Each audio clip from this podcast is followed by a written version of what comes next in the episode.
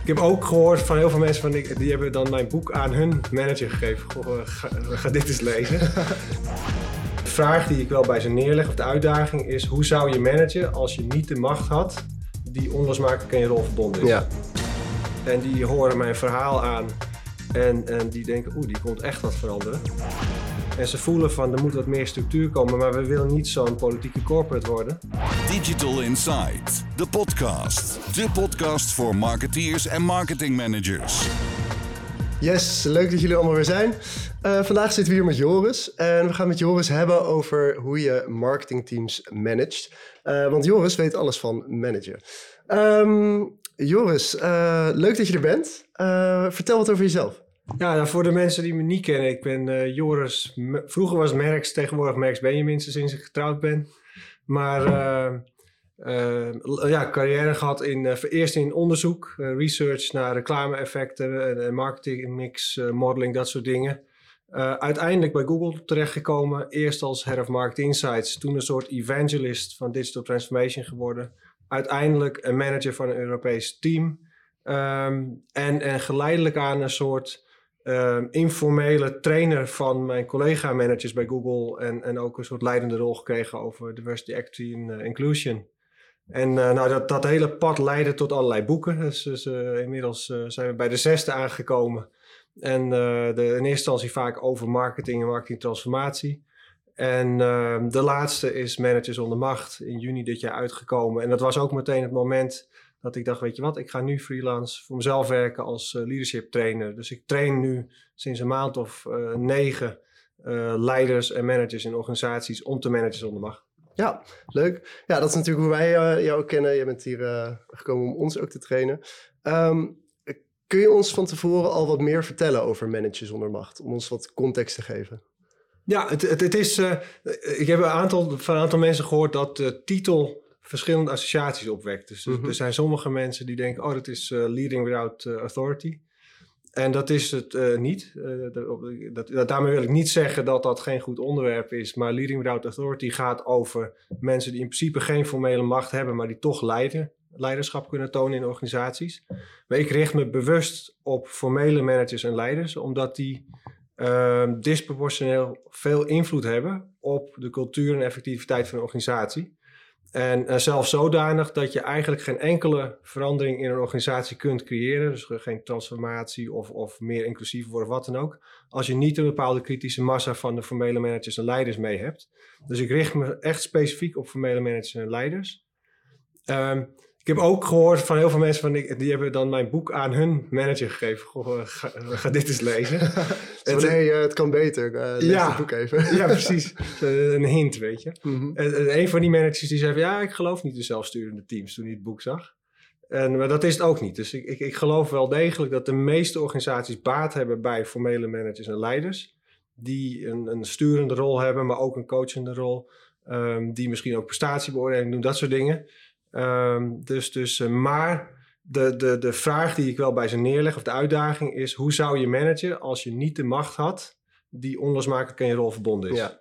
ja. Dat is uiteindelijk echt de centrale vraag erbij, toch? Van, ja. zeg maar, als je niet die macht had, hoe zou je het dan aanpakken? Ja, en dan ga je die macht dus veel nuttiger toepassen als je het wel toepast. Dus ja. nu wordt het eigenlijk vaak een beetje onbewust op geleund, soms mm -hmm. ook bewust, en dan toegepast op het moment dat het niks toevoegt of zelfs schade creëert. En als je uh, dus eerst afleert om er onbewust op te leunen, kun je daarna het heel gericht op de juiste momenten toepassen. Ja, ja. oké. Okay. Dankjewel. Um, laten we onze eerste stelling erin uh, gooien waar we over gaan praten. Um, en dat is, managen zonder macht past vooral bij Gen Z. Ja, de grap is dat ik dus in mijn boek dat helemaal niet genoemd heb. Helemaal niks over het verschil tussen Gen Z, millennials, nee, Bijna niet, nee. Ik heb wel ooit een career guide specifiek voor Gen Z uh, uh, geschreven. Mm -hmm. en, uh, maar in dit boek heb ik het niet expliciet genoemd. Maar de, ik had iemand die ging een voorwoord voor me schrijven. Die las het en die zei, dit is eigenlijk gewoon een manager guide hoe je Gen Z managt. dus, dus je kunt het echt wel degelijk zo, zo lezen. Maar je kunt het met allerlei brillen lezen. Uh, je kunt het lezen als inderdaad van nou, je hebt die nieuwe generatie, die accepteert gewoon geen top-down leadership meer. Ja. Dus nou, als je die wilt aantrekken en behouden en optimaal laten functioneren, zul je anders moeten managen. Mm -hmm. en, uh, maar, maar je kunt het ook lezen als hoe creëer je nou organisaties waar ehm, eh, die van binnenuit zichzelf continu opnieuw kunnen uitvinden. Dus, dus in, in, plaats van dat je denkt van nou, we gaan even een digitale transformatie doen. Uh, die vraag krijg ik vaak, hoe transformeer ik een organisatie? En dat wordt dan vaak als een soort top-down plan naar beneden uitgerold. Maar als je dat doet, als je, als je van de ene transformatie in de andere gaat, dan worden mensen verandermoe. Ja. En de kunst is dus juist om ruimte te creëren, waardoor mensen van binnenuit uh, continu de organisatie opnieuw uitvinden. En daar heb je ook deze stijl van leadership voor nodig. En je hebt ook weer deze stijl van leadership nodig als je het hebt over inclusiviteit van de organisatie, zodat alle soorten mensen tot hun recht komen. Dus je kunt het met allerlei brillen ja, uh, lezen. Ja. Interessant. En heb je nou in de, de trainingen die jij geeft, merk je daarin dan ook verschil in hoe erop wordt gereageerd door de verschillende generaties? Dat als jij, bijvoorbeeld, jij, je bent bij ons geweest natuurlijk, uh, wij zijn wel allemaal best wel jong. Um, heb je al gehad dat je in een organisatie kwam waarbij je echt alle leeftijden had en dat je dan echt verschil merkte in hoe iedereen reageerde op jouw training? Ja, ik heb een aantal varianten meegemaakt. Bijvoorbeeld een van mijn eerste, de allereerste klant was het leuk, was, was Blauw Research. Die, uh, een onderzoeksbureau bestaat al heel lang. Uh, gewoon een, een, een leadership team van mijn eigen generatie. Dus ik ben mm -hmm. ergens uh, midden, eind 40 inmiddels alweer. en die waren ooit naar zelfsturende teams gegaan. En die hebben toen ontdekt van eigenlijk was dat een, een stap te ver. We hebben toch iets meer structuur en richting nodig. Toen was dit een heel mooi model om dat te doen.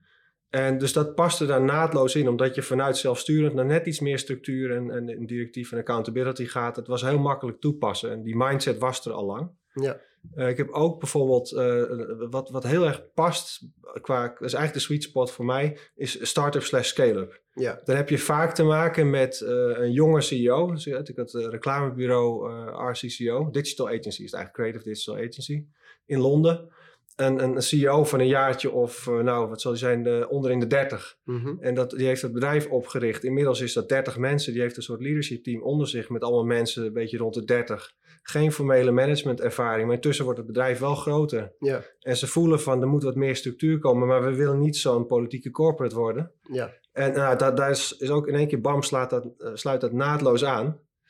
Um, maar ik heb ook wel eens gehad dat je gewoon in gesprek bent met een organisatie waar gewoon zo'n hele traditionele uh, cultuur heerst, uh, top-down waar die senior leiders dat eigenlijk ook wel fijn vinden, want het is wel comfortabel. Mm -hmm. En die horen mijn verhaal aan. En, en die denken, oeh, die komt echt wat veranderen.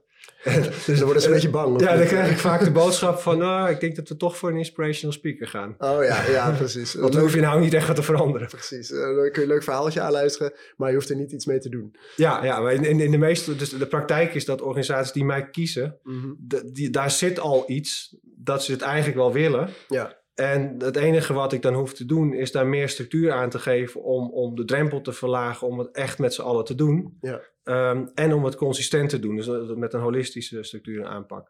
Ja, oké. Leuk. Uh, laten we doorgaan naar de volgende stelling. Um, de tweede stelling is: de rol van manager is verschoven van een directieve manager naar een coach. Ja. Eigenlijk wat je, waar je het net al een beetje over had, van uh, ja, nou, het, het managen zonder macht ook, maar ook niet meer zo uh, top-down. Uh, hoe, hoe kijk je hier tegenaan? Ja, het is niet verschoven in mijn ogen als in helemaal niet meer directief zijn en alleen maar een coach worden, zeg maar. Mm -hmm. Het is in mijn ogen een verschuiving van een balans. En dat is eigenlijk in zijn algemeenheid zo. Dat, dat maakt managen ook zo moeilijk. Dat, dat je altijd een soort tegenpolen in balans moet toepassen. En uh, dat is ook nog eens een keertje van mens tot mens uh, anders, want iedereen heeft een ander soort management nodig. En het is situationeel anders. En als je dan gewend bent om een beetje onbewust op je macht te leunen, uh, selectief aandacht aan je team besteedt, niet voldoende verdiept in de individuen die voor je werken, omdat je niet genoeg tijd met ze doorbrengt, omdat je te druk bent met naar boven managen, um, dan heb je niet dat situationeel persoonlijk bewustzijn waarmee je dus die balans elke keer goed neerlegt. En een voorbeeld van balans is van je wilt mensen autonomie geven, maar je wilt ze ook accountable houden. Ja. En je moet ook af en toe gewoon een knoop doorhakken. Dit doen we wel en dit doen we niet. Weet je? En, en, terwijl als je die knoop op een verkeerd moment doorhakt, als zij zelf een beslissing hadden kunnen nemen, dan voelen ze dat als micromanagement. Mm -hmm. Als je een knoop op een goede manier doorhakt, als het team er echt niet met z'n allen uitkomt en je moet eventjes een, een prioriteit stellen, dan zijn ze juist wel heel blij dat je eventjes ingrijpt. Weet je? Ja. Dus, nou, da daar zit dus dat situationeel bewustzijn. Wat, wat micromanagement voor één persoon is, is voor een andere persoon prettige begeleiding. Of als iemand die heel ervaren is op een bepaald type project en je gaat je daarmee moeien, dan voelt het als micromanagement. Maar als diezelfde persoon op een ander project zit wat compleet nieuw voor ze is en je gaat daar eh, wat actiever meewerken, dan zijn ze juist heel blij dat je even met ze meewerkt. En als je dan ziet dat het gaat, kun je weer naar achter stappen en een, een compliment geven en je richt op iemand iets of iemand anders. Ja, precies. Dus het is altijd balans. Dus, Maar ik ben wel van overtuigd dat het een verschuiving is eh, van, van wat meer op, afstand van nou, je moet dit of dat doen. En dan vragen van nou, lever de KPI's op, op, op om te bewijzen dat je het doet.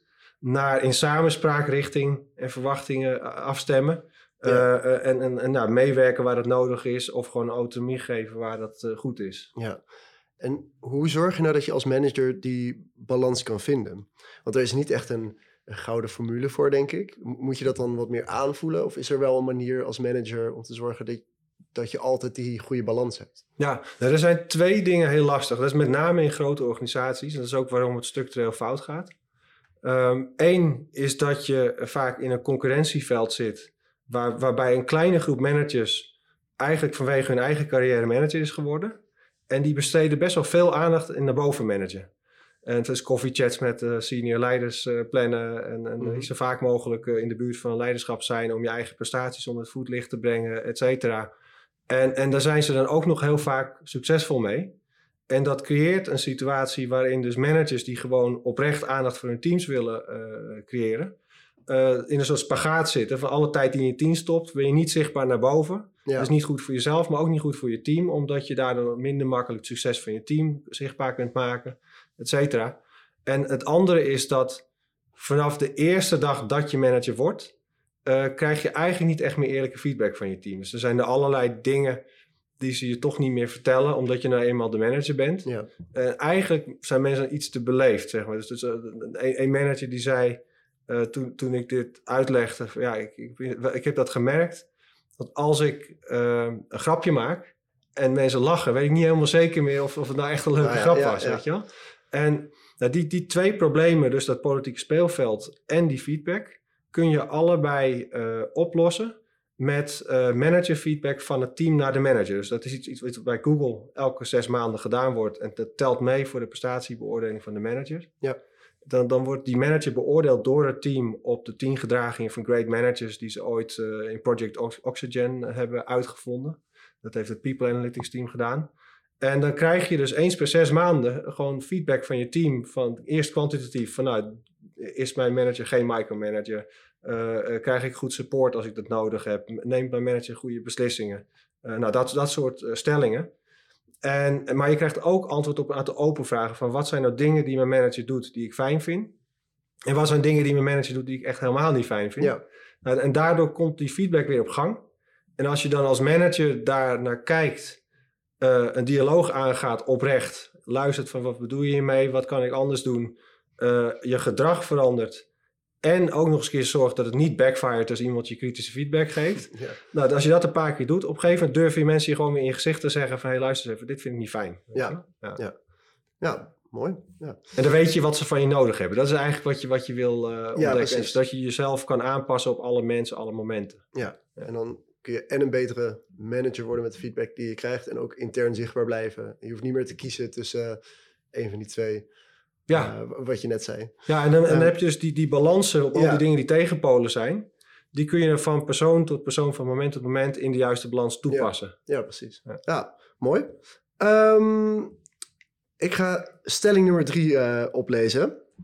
Dat is: het succes van een marketingteam hangt meer af van interne samenwerking dan van individuele vaardigheden.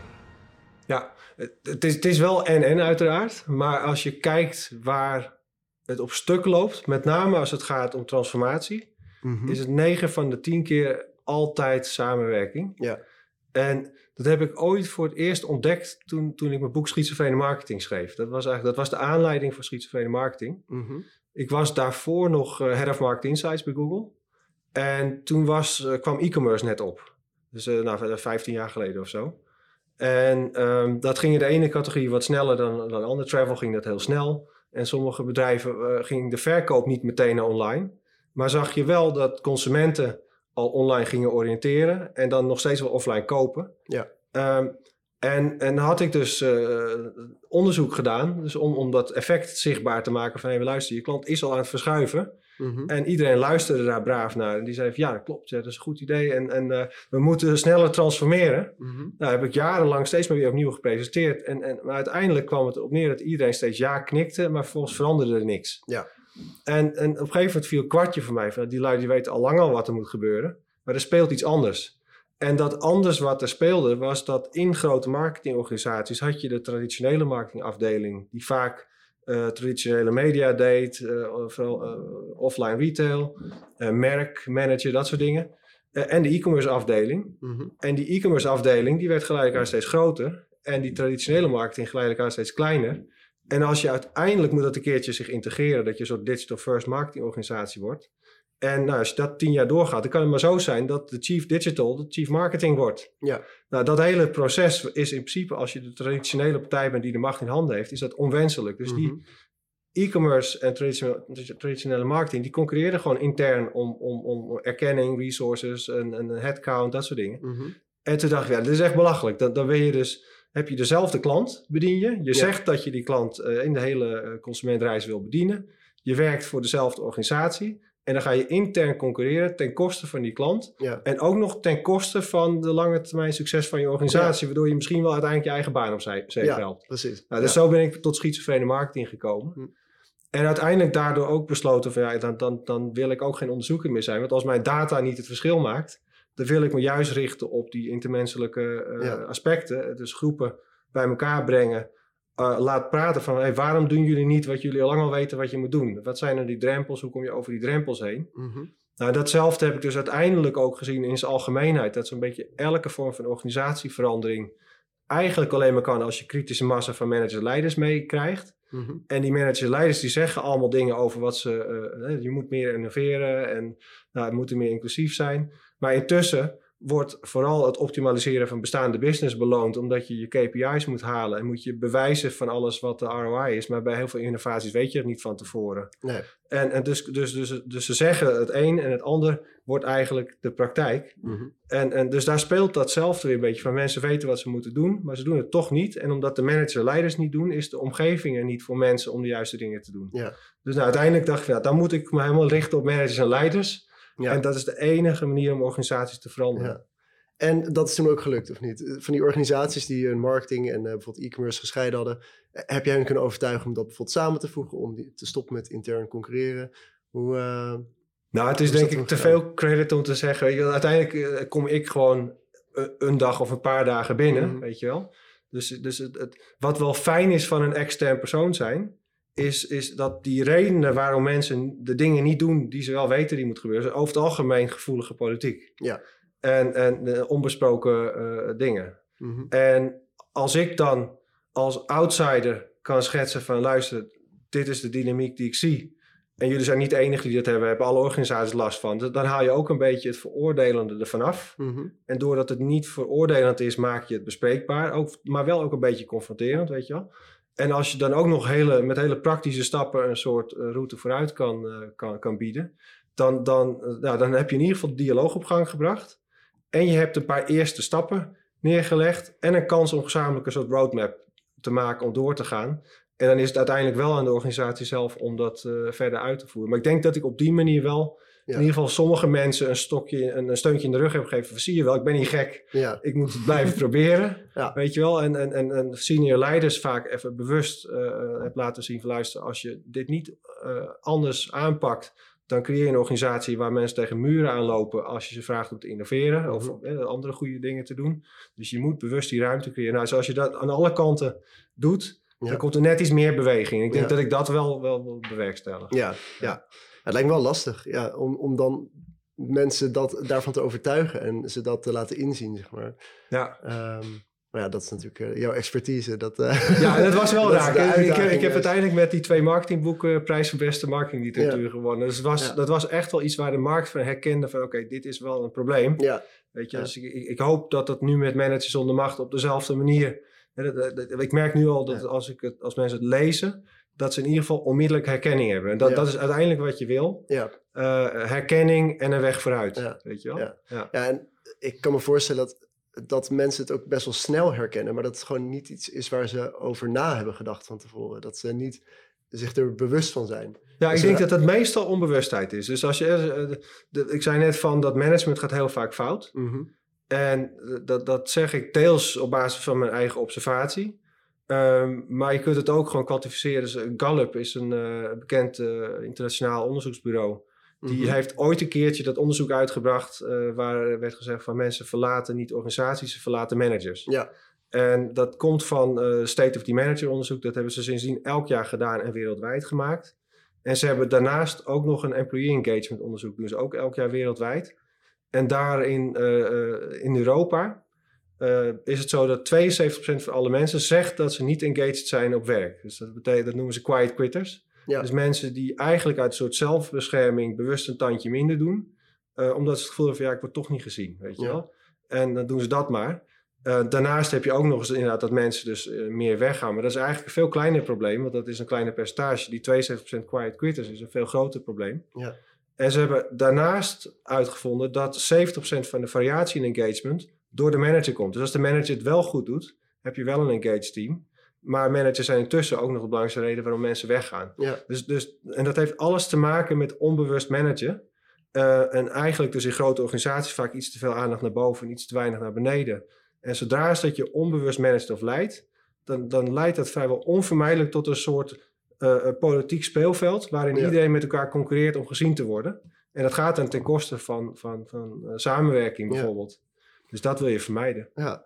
Wel interessant, dit eh, onderzoek dat je benoemt. eh zijn nou dat dat in de VS was of niet? Eh, Of- wereldwijd. of Ja, dus dat- die wereldwijd, twee- 72% is dan in Europa. Oh, oké, ja. Ja. Want ik zat te denken, van, zit hier niet ook heel veel verschil in bij verschillende culturen? In Nederland zijn we natuurlijk best wel direct. Ja. Ik kan me voorstellen dat in andere landen, zeker landen waar die wat terughoudender houdender zijn of wat beleefder, dat je daar dit misschien nog meer hebt. Omdat mensen, eh, werknemers, nog minder tegen manager durven te zeggen wat er bijvoorbeeld fout gaat. Ja, Europa was dus eigenlijk een hele slechte. eh, ik weet niet, niet of ze de allerslechtste waren, maar ze Mhm. zaten wel echt eh, in- onderin qua aantal quiet quitters waren ze een van de slecht scorende eh, regio's. Oh, wow. ja, dat- dat me Ze leggen niet uit waarom overigens. Maar, maar eh, het kan ook zijn dat in Europa mensen dus dat eigenlijk niet accepteren en daarom Ja. nog meer gefrustreerd van die Ja, dat kan natuurlijk ook nog. We- weet je hoe dat zit met eh, bijvoorbeeld het verschil tussen Nederland en andere landen in Europa? Of daar nog verschil in zit? Of het meer gewoon Europa? Volgens mij gaan ze niet zo gede- gedetailleerd. Ja, dus Je kunt het rapport gewoon gratis downloaden. Dus Ja. eh, als je eh, Gallup eh, Engagement Survey, Oh, ja. dan vind je een pdf van het rapport. En dan focussen ze op Europa, maar daarbinnen doen ze volgens mij geen splitsen naar landen. Ah, ja, ja. Oké. Oh, Ehm, ja, dat zeg ik wel. Nee, ik heb ook Nederland wel gezien. Want Nederland was 2% anders dan Europa. Ja, dat Oh dat is niet een heel groot verschil. Ja. Oké. Ja, nee, interessant. Ehm, laten we naar de vierde en laatste stelling toe gaan. Eh, we hebben dit al een beetje besproken ook, maar eh, de laatste stelling is... een mensgerichte aanpak werkt beter dan een prestatiegerichte aanpak. Ja, dit is. eh, ik, ik heb in mijn, in, mijn, in mijn boek een soort matrix gemaakt. En die is eigenlijk opgekomen naar aanleiding van een opmerking van een manager die ik zelf heb gehad in mijn performance evaluatie. Dus ik had toen een manager. En dat was echt wel zo'n typische manager van manager met macht. Mhm. Die eh, nou, zo'n half uurtje per twee weken tijd aan je besteden. En dan eventjes eh zei nou, hoe gaat het? En, en nou, die af en toe even doordrukte wat je moest doen. Ja. En af en toe eventjes kwam ophalen of je het wel gedaan hebt. Ja. Weet je wel. En eh, nou, die, die moet je dan dus twee keer per jaar feedback geven en een performance beoordeling, terwijl je helemaal niet eens weet wat je precies doet. Ja. En, en dus die, nou, die gaf dan een. En, en, en ik had dus eh, op dat moment een, een track record van, van eh, nou, een stuk of eh, tien keer achter elkaar 100% manager feedback. En, en, en, en toen ontstond de perceptie van, oh, dat kan alleen maar als je gewoon te aardig bent voor je team. Terwijl dat helemaal niet kan. Mhm. Want er zitten allerlei tegenstellingen in, in die vragenlijst. Van, eh, eh, nou, je moet dus een, een, een- mensen eh, autonomie geven, maar je moet ook een goede beslisser zijn. Ja. En je moet ze ook accountable houden. Dus, en, en als je dus alleen maar aardig bent, dan krijgen mensen op een gegeven moment verwachtingen die niet realistisch zijn. En dan ergens een keer moet je ze een performancebeoordeling geven en dat wordt dan een negatieve verrassing. Ja. Dus je kunt niet systematisch 100% scoren door alleen maar te aardig te zijn. Dat zei Ja. hij toch tegen mij. En, en, en dat zei hij door te zeggen van... jij bent mensgericht en ik ben performancegericht. Ja. En- Al- Alsof die twee echt helemaal uit elkaar ja, staan. dus het is als, alsof je door goed voor je team te zorgen... alsof je ze dan niet uh, accountable houdt voor prestaties. Alsof je ze niet tot maximale prestaties uh, drijft. En terwijl wat ik heb gezien is dat als je een organisatie hebt die eigenlijk te menselijk is, waar accountability ontbreekt. Als je dan denkt van, oh, ik wil een high performance organisatie worden. En je gaat dan gewoon strenger, hardere targets zetten en strenger afrekenen. Dan gaan mensen op een gegeven moment gewoon dat systeem gamen. Mhm. En dan is het is gewoon slim naar boven communiceren om, of tactische dingen doen, waardoor je KPI haalt, uh, desnoods ten koste, dus je target halen, terwijl de klant misschien eigenlijk niet tevreden is. Of, of, of terwijl de winstgevendheid onder druk staat, omdat je gewoon te veel korting hebt gegeven als je een salespersoon bent, dat soort dingetjes. Ja. Of, of je doel halen ten koste van een collega. dat, dat soort gedrag krijg je dan. Ja. En, dat, en uiteindelijk krijg je dan, doordat mensen dus met elkaar concurreren, en doordat mensen uh, quiet quitters worden vanwege die omgeving, als, als organisatie ben je helemaal niet high performing. Dus, dus de enige manier om van een soort te menselijke organisatie met te weinig accountability naar high performing te komen, is door eerst investeren in mensen. Dus, dus eh, duidelijk, en, en, investeren wil niet alleen maar zeggen aardig doen. Dat is ook gewoon duidelijkheid van richting en verwachtingen. Dus nou, dit, hier gaan we met z'n allen heen. Dit, dit is wat daardoor jouw rol is en wat ik van jou verwacht. En hoe duidelijker je daarin bent, en hoe, hoe meer support je geeft als het niet werkt. En eventueel zeggen, oh, dit is misschien ook gewoon überhaupt niet het juiste project voor jou. Laten we dat project eens proberen. Als je, hoe meer je daar investeert, hoe meer je aan het einde rit, van de rit mag zeggen van ja, maar nu verwacht ik ook output van je. Ja. En als het dan niet geleverd wordt, ondanks dat je geïnvesteerd hebt en, dingen uitgeprobeerd hebt, kun je ook gewoon zeggen van nou, dit is gewoon systematisch niet goed genoeg. Ehm, eh, ik geef je een lage score. Dat is dan mhm. geen verrassing. En als iemand er dan ook nog een keertje op een gegeven moment uit het team gezet wordt, dan, dan kijken die collega's naar. Ik denk, ja, ik snap wel waarom dat zo gegaan is. Ja. Terwijl als je vanuit een soort onbewustheid managt en iemand uh, draait niet helemaal lekker en je zegt dan, nou, je bent een loper voor je krijgt een slechte score en ze gaan er dan uit, dan, dan hebben mensen daar vaak een onrechtvaardigheidsgevoel bij, waardoor mensen daaromheen zich ook onveilig gaan voelen. Ja, krijg een soort giftige werk. Ja, en dan krijg je eh, disengagement en angst en dat soort dingen. Dus, dus, dus juist door te investeren uh, in, in zachte en hardere dingen, mhm. creëer je een omgeving waarin iedereen weet van nou oké, alles is duidelijk. Ik weet uh, wat er van verwacht wordt, maar ik weet ook dat ik ondersteuning krijg. Ja. En dan loop je veel lekkerder. Ja, eigenlijk als ik je goed begrijp, is dus gewoon een heel groot stukje van gewoon verwachtingsmanagement. Ja. Gewoon zorgen dat je weet wat je moet verwachten, ja. uh, dat er geen verrassingen zijn. En dan of het nou mensgericht of prestatiegericht is, zeg maar, dat, dat, dat valt er allebei binnen. Ja, en de mens zien helpt ook enorm, weet je. Dus als, als, je, uh, als, als ik een nieuw team krijg of een nieuw persoon in mijn team, is het eerste wat ik doe, is, ik, ik was in het geval ook nog een, een, manager op afstand. Ik heb zes jaar lang alleen op afstand gemanaged, ook voor corona. Dus ik, ik, ik zat in Nederland en mijn team verspreid over uh, eh, IMIA. Ja. En dus het eerste wat ik dan deed, was gewoon een, een, een datum prikken, naar ze toe vliegen. En gewoon eventjes een ochtend of een dag uh, met ze doorbrengen. Waardoor je echt even goed begrijpt van wie is dat nou, wat voor mens is dat. Niet alleen maar de, de professional, maar ook de mens. Ja. Uh, en snappen ze goed wat hun rol is. En nou, met welke projecten kan ik ze het beste laten beginnen. Uh, wat, waar krijgen ze energie van, waar niet van. Weet je, dat, doe ik meteen in het begin. want dan voelen mensen zich gezien. En dan, als er dan iets is, komen ze zo snel mogelijk naar je toe. Waardoor je ook zo snel mogelijk kan ingrijpen en, en iemand zo snel mogelijk op een pad kan zetten. Waarvan je weet van nou, op dat pad zijn ze succesvol. Ja. Of ingrijpen als je gewoon ziet van nou, het gaat niet lukken. En dan, dan gaan, zitten ze vaak alweer, dan kun je ze desnoods helpen om naar een ander team te komen als ze gewoon in de verkeerde rol zitten. Mhm. Maar dan doe je dat op een moment dat dat nog geen schade eh, veroorzaakt. Ja, ja precies. Ja, ja mooi. Ehm, we zijn uh, eigenlijk weer aan, bij het einde aangekomen van de, van de podcast. Um, wat ik jou nog wel wil vragen, zijn er nou nog dingen die je graag nog wil benoemen? Waarvan je denkt van, nou, ehm, hier hebben we het al een beetje over gehad, maar dat wil ik toch nog even een beetje verduidelijken. Of uh, hier hebben we het nog helemaal niet over gehad. Als je niet zo iets hebt, is het ook helemaal prima natuurlijk. Ja, nee, wat, wat uh, belangrijk is, is uh, heel veel... Dat is ook waarom ik het boek geschreven heb en waarom ik de trainingen doe op de manier die ik doe. Mm ik, ik, ik heb in principe elementen van een, een, een inspirerend verhaal. Maar ik, ik, ik, wil expres niet gezien worden als een inspirational speaker bijvoorbeeld. Of een inspirational trainer. Omdat ik eh, eh, dat vaak... Je hebt, je hebt met, de, met de Matrix, de film, weet je... heb je van die, Mhm. de blue pill en de red pill. En heb je die ene, dan blijf je gewoon in je naïeve wereld en niks verandert. En de andere krijg je de harde waarheid eventjes te pakken. En, maar dan, dan, dan is het wel echt iets veranderd. ja, En zo zie ik inspirational speaking vaak. Dus dan, of, of, of ook leadership boeken die dan zeggen van... oh, we moeten met z'n allen meer innovation. Of we moeten meer agile. Of weet ik. mhm. En, en, en er wordt altijd één, belicht, één ding belicht.